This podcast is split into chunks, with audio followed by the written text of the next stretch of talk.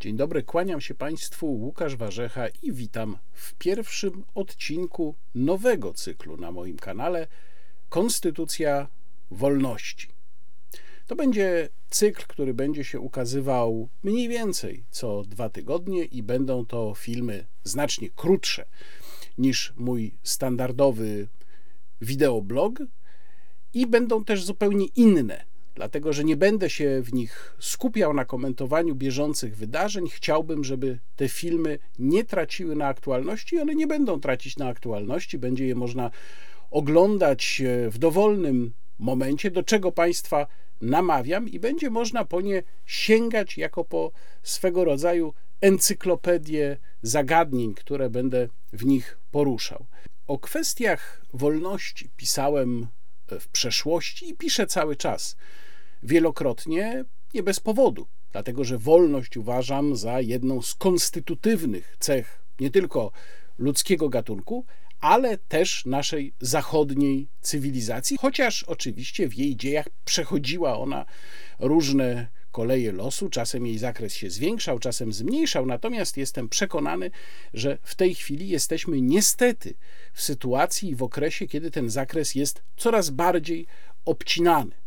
Dlatego zdarzało mi się wielokrotnie zajmować sprawami, które z pozoru są banalne, dotyczą jakichś naszych codziennych problemów, ale kiedy się im przyjrzeć bliżej, to prowadzą nas do rozważań o znacznie poważniejszych sprawach, nawet powiedziałbym sprawach fundamentalnych i każą nam takie fundamentalne pytania ze sfery szeroko pojętej wolności postawić. Tu podam Państwu przykład sprawy, o której na pewno w jednym z odcinków Konstytucji Wolności będę mówił.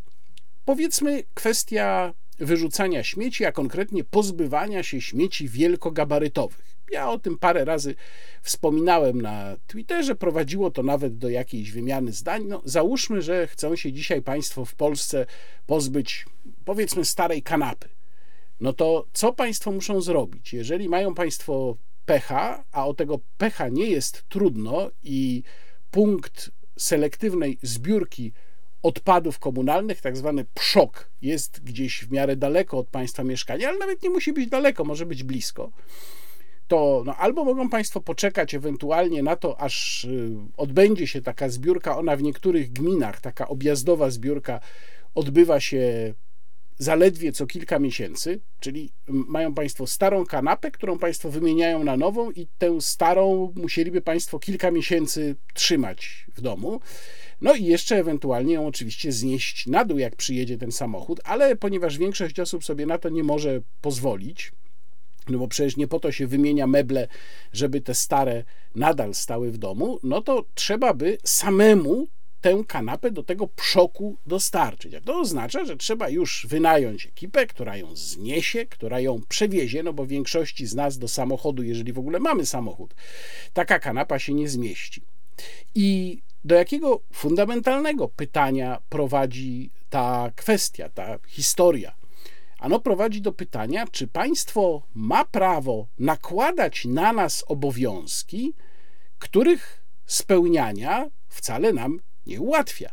Czy ma prawo wymagać od nas dostosowywania się do pewnych zasad, które nam narzuca, nie ułatwiając nam tego? Można tu podać wiele innych przykładów, no, chociażby kwestie nowych e, zasad, no już nie tak bardzo nowych zasad dotyczących pierwszeństwa pieszych przy wchodzeniu, podkreślam, wchodzeniu na przejście dla pieszych, no bo tutaj z kolei mamy z jednej strony ten obowiązek, który kierowcy muszą spełniać, czyli muszą jeszcze wnikliwie, jeszcze dokładniej obserwować otoczenie przejść dla pieszych niż do tej pory, podczas kiedy wiemy, że ogromna część tych przejść, nie wiem czy większość, ale można tak wnioskować, między innymi z badania Generalnej Dyrekcji Dróg Krajowych i Autostrad, że duża część przynajmniej tych przejść po prostu nie gwarantuje kierowcom e, dobrej widoczności na to, co się dzieje przy przejściu. Czyli z jednej strony nałożono na kierowców dodatkowy obowiązek, z drugiej nie stworzono warunków, żeby oni mogli ten obowiązek spełniać. To jest oczywiście tylko jeden z wielu przykładów takich spraw, takich fundamentalnych pytań, którymi chciałbym się w cyklu Konstytucja Wolności zajmować, jeżeli mają Państwo sugestie dotyczące tego, czym jeszcze warto by się zająć, a ja mam już cały spis, cały katalog takich zagadnień, którymi chciałbym się tutaj zająć, to proszę dawać znać y, w komentarzach i będę bardzo wdzięczny, jeżeli zrobią sobie Państwo z czasem z tych filmów coś w rodzaju takiej biblioteczki tych e, e, zagadnień, własnej playlisty, po którą będzie można sięgnąć, również po to, żeby znaleźć e, argumenty, które mogą się Państwu przydać w dyskusji, a czasem znaleźć argumenty, z którymi Państwo by się z kolei nie zgodzili.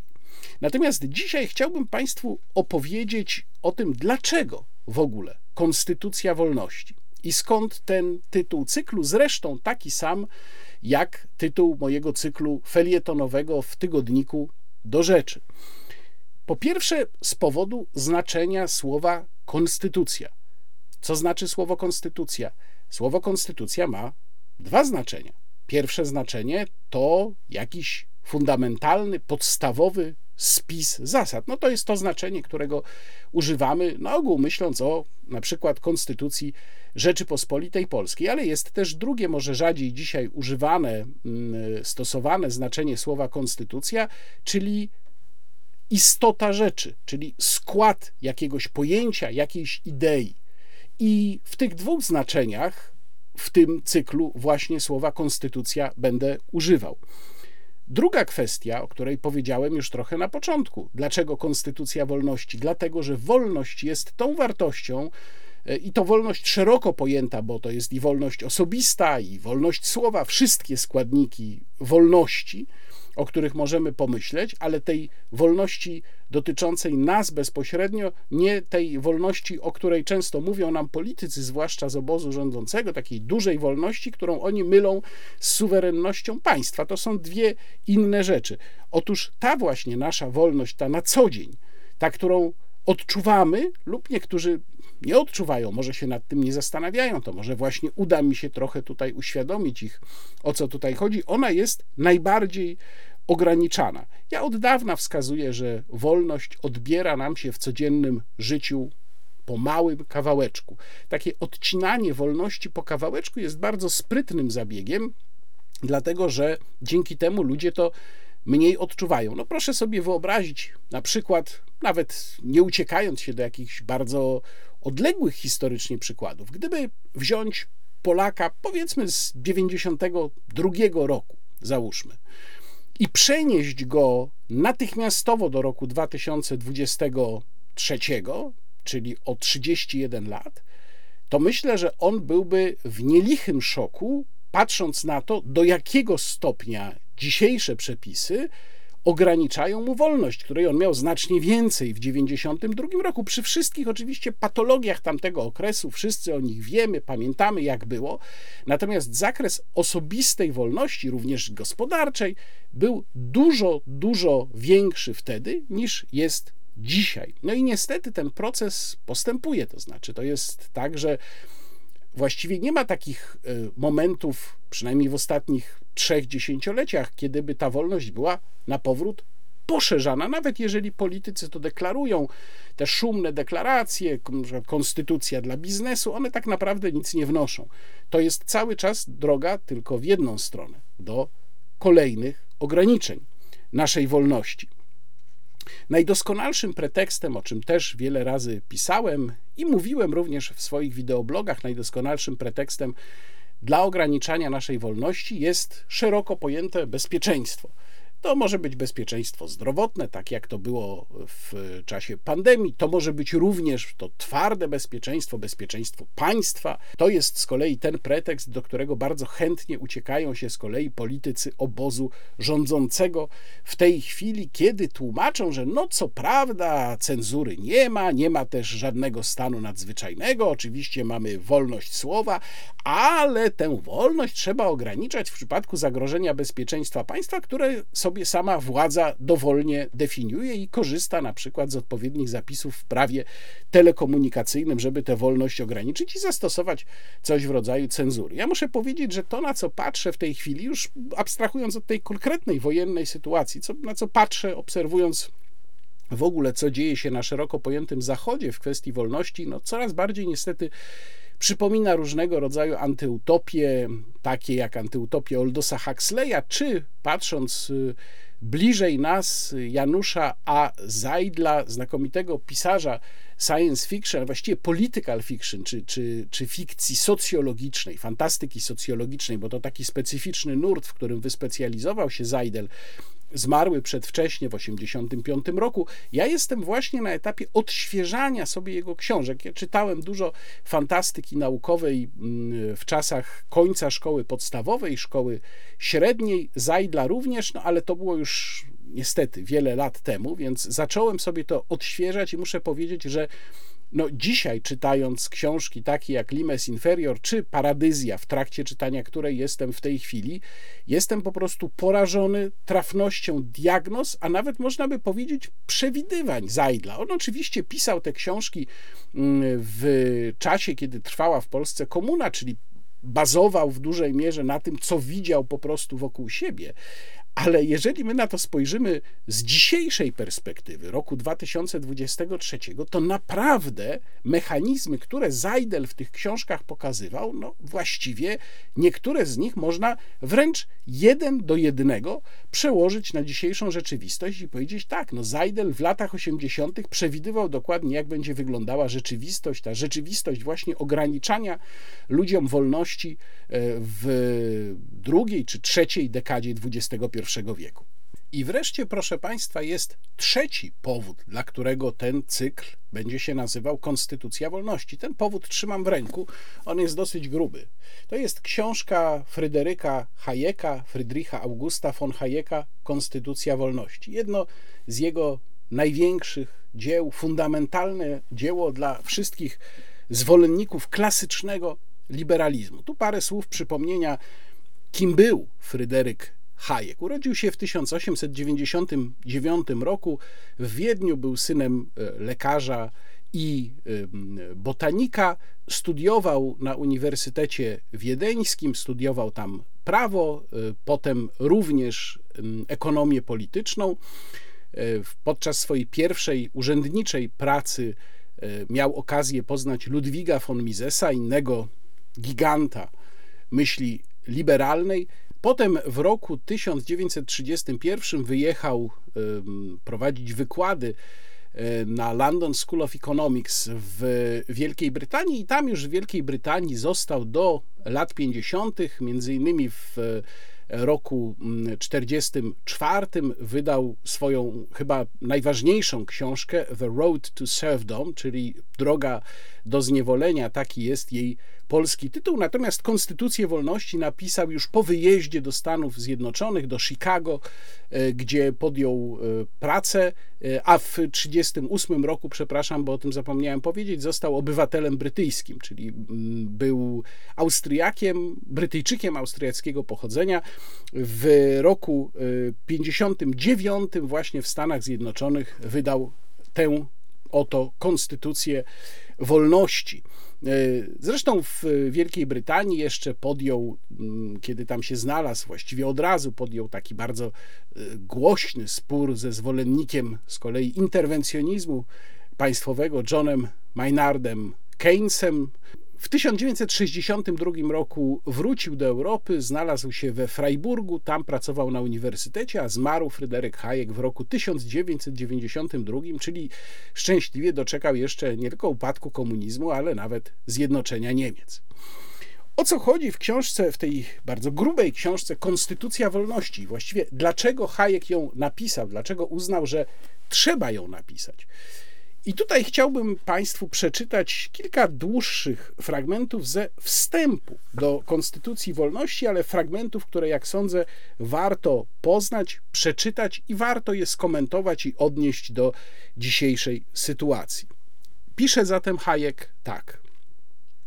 Upłynęło wiele czasu od przekonującego sformułowania tego ideału wolności, który natchnął nowożytną cywilizację zachodnią i którego częściowe urzeczywistnienie przyczyniło się do jej osiągnięć.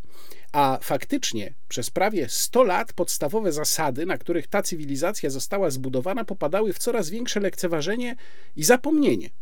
Ludzie wolą szukać innych porządków społecznych niż starać się zrozumieć i wykorzystać fundamentalne zasady naszej cywilizacji.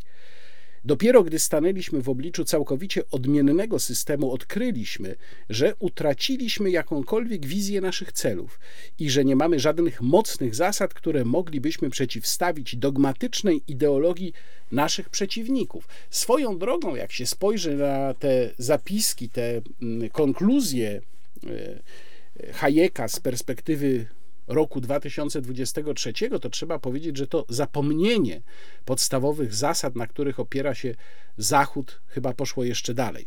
I dalej pisze tak Hayek. W walce o moralne poparcie świata ten brak mocnych przekonań działa z wielką siłą na niekorzyść Zachodu. W postawie jego intelektualnych przewodników od dawna dostrzega się rozczarowanie jego zasadami, niedocenianie jego osiągnięć i koncentrowanie się na tworzeniu lepszych światów. Nie jest to klimat, w którym możemy liczyć na zyskanie zwolenników. Jeśli mamy zwyciężyć w wielkiej walce idei, musimy najpierw wiedzieć, w co wierzymy. Musimy także jasno zdać sobie sprawę, co chcemy zachować, jeśli mamy nie dać się ponieść prądowi. I dalej pisze Hayek tak. Nie każdy rezultat historycznego rozwoju Zachodu może lub powinien być przeszczepiany na inny grunt kulturowy, a jakakolwiek cywilizacja zrodzi się ostatecznie w tych rejonach świata pod wpływem Zachodu, ma szansę szybciej osiągnąć właściwą formę, tylko jeśli pozwoli się jej wzrastać samodzielnie, nie będąc narzuconą z góry. Jeśli to prawda, czemu się czasem zaprzecza, że brakuje tam niezbędnego warunku swobodnej ewolucji, ducha indywidualnej inicjatywy, to z pewnością bez tego ducha żadna żywotna cywilizacja nie jest w stanie wyrosnąć. Jeśli rzeczywiście go brakuje, pierwszym zadaniem musi być obudzenie go, a to uczynią rządy wolności, nie zaś system nakazów. Co się tyczy Zachodu, musimy mieć nadzieję, że panuje tu ciągle zgoda co do pewnych fundamentalnych wartości. Tu pozwolę sobie na komentarz, że chyba jednak już nie. Lecz nie jest ona już tak oczywista. I jeśli te wartości mają odzyskać wpływ, niezbędne jest ich całkowite przeformułowanie i przywrócenie na nowo. No tutaj nie sposób się nie zgodzić, a pamiętajmy, że mówimy o tekście napisanym w 1959 roku. I dalej znów pisze Hayek tak: Jeśli mamy odzyskać spójną wizję naszych celów, podobne próby trzeba podejmować częściej. Praca nad tą książką uświadomiła mi w istocie, że nasza wolność jest zagrożona na wielu polach, dlatego że zbyt ochoczo pozostawiamy decyzję ekspertowi lub akceptujemy bezkrytycznie jego opinie o problemach, które zna gruntownie tylko w jedynie wąskim aspekcie. Trudno naprawdę dzisiaj znaleźć celniejszy komentarz do tego, co bywa nazywane tyranią ekspertów i z czym stykamy się już naprawdę na co dzień. I wreszcie fragment, w którym e, Hayek tłumaczy, dlaczego jego książka jest napisana na zimno, dlaczego ona nie ma charakteru emocjonalnego manifestu w obronie wolności. Myślę, że to jest jeden z bardzo ważnych fragmentów w tym wstępie. Chociaż gdy pisze się o wolności, pokusa apelowania do uczuć jest często nieodparta, starałem się utrzymać rozważania w tak trzeźwym duchu, jak to możliwe. Wprawdzie sentymenty wyrażane przez takie określenia jak godność człowieka i piękno wolności są szlachetne i budujące, to nie ma na nie miejsca w próbie racjonalnego wykładu. Jestem świadomy niebezpieczeństw takiego zimnego i czysto intelektualnego podejścia do ideału, który dla wielu był świętością i którego mężnie broniło też wielu, dla których nigdy nie stanowił on intelektualnego problemu. Nie uważam, że sprawa wolności zwycięży bez obudzenia naszych uczuć. Lecz chociaż silne instynkty, z których zawsze czerpała walka o wolność, dają jej niezbędne oparcie, to nie są one ani pewnym przewodnikiem, ani też niezawodną ochroną przed błędem. Te same szlachetne uczucia mobilizowano już w służbie wypaczonych celów. Lecz co najważniejsze, argumenty podważające wolność mają głównie charakter intelektualny i dlatego też tutaj musimy się im przeciwstawić. Niektórych czytelników może zaniepokoić wrażenie, że nie traktuje wartości wolności jednostki jako bezspornego założenia etycznego i że starając się wykazać tę wartość, traktuje argumenty na jej rzecz jako kwestię tylko praktyczną. Byłoby to nieporozumieniem. Jest jednak faktem, że jeśli chcemy przekonać tych, którzy nie podzielają naszych przeświadczeń moralnych, nie możemy uważać po prostu tych przeświadczeń za oczywiste. Musimy wykazać, że wolność jest nie tylko jedną z wartości, lecz pozostaje źródłem i warunkiem większości wartości moralnych. To jest tak ważne zdanie, że muszę je Państwu przeczytać jeszcze raz. Musimy wykazać, że wolność jest nie tylko jedną z wartości, lecz pozostaje źródłem i warunkiem większości wartości moralnych. Wreszcie fragment, w którym Hayek y, niejako popiera to, co ja Państwu zapowiedziałem, że ma być istotą i leitmotivem tego cyklu na początku filmu. Muszę także ostrzec czytelnika, pisze Hayek, żeby nie spodziewał się, iż dyskusja zawsze będzie utrzymywać się w rejonach wysokich ideałów czy wartości duchowych. Wolność w praktyce zależy od bardzo prozaicznych spraw i ci, którzy pragną jej zachowania, muszą dowieść swego oddania, poświęcając uwagę przyziemnym troskom życia publicznego i starając się zrozumieć problemy, które idealista często skłonny jest traktować jako pospolite, jeśli nie odstręczające. I dokładnie ja właśnie tej zasady staram się przestrzegać. I wreszcie ostatni, bardzo ważny fragment. Jest to bowiem wyznanie wiary skromne, mówimy tutaj, czy Hayek pisze tutaj o wierze właśnie w wolność a nawet pokorne, oparte na niewysokim mniemaniu o ludzkiej mądrości i zdolnościach, świadome, że w granicach, w których jesteśmy w stanie planować, nawet najlepsze społeczeństwo nie zaspokoi wszystkich naszych życzeń. Jest równie dalekie od perfekcjonizmu, jak od pośpiechu i niecierpliwości natchnionego reformatora, którego oburzenie na konkretne zło jakże często czyni ślepym na krzywdy i niesprawiedliwość, jakie może pociągnąć za sobą realizacja jego planów. Jakbym czytał o naszej obecnej władzy. Jeszcze raz ten sam fragment.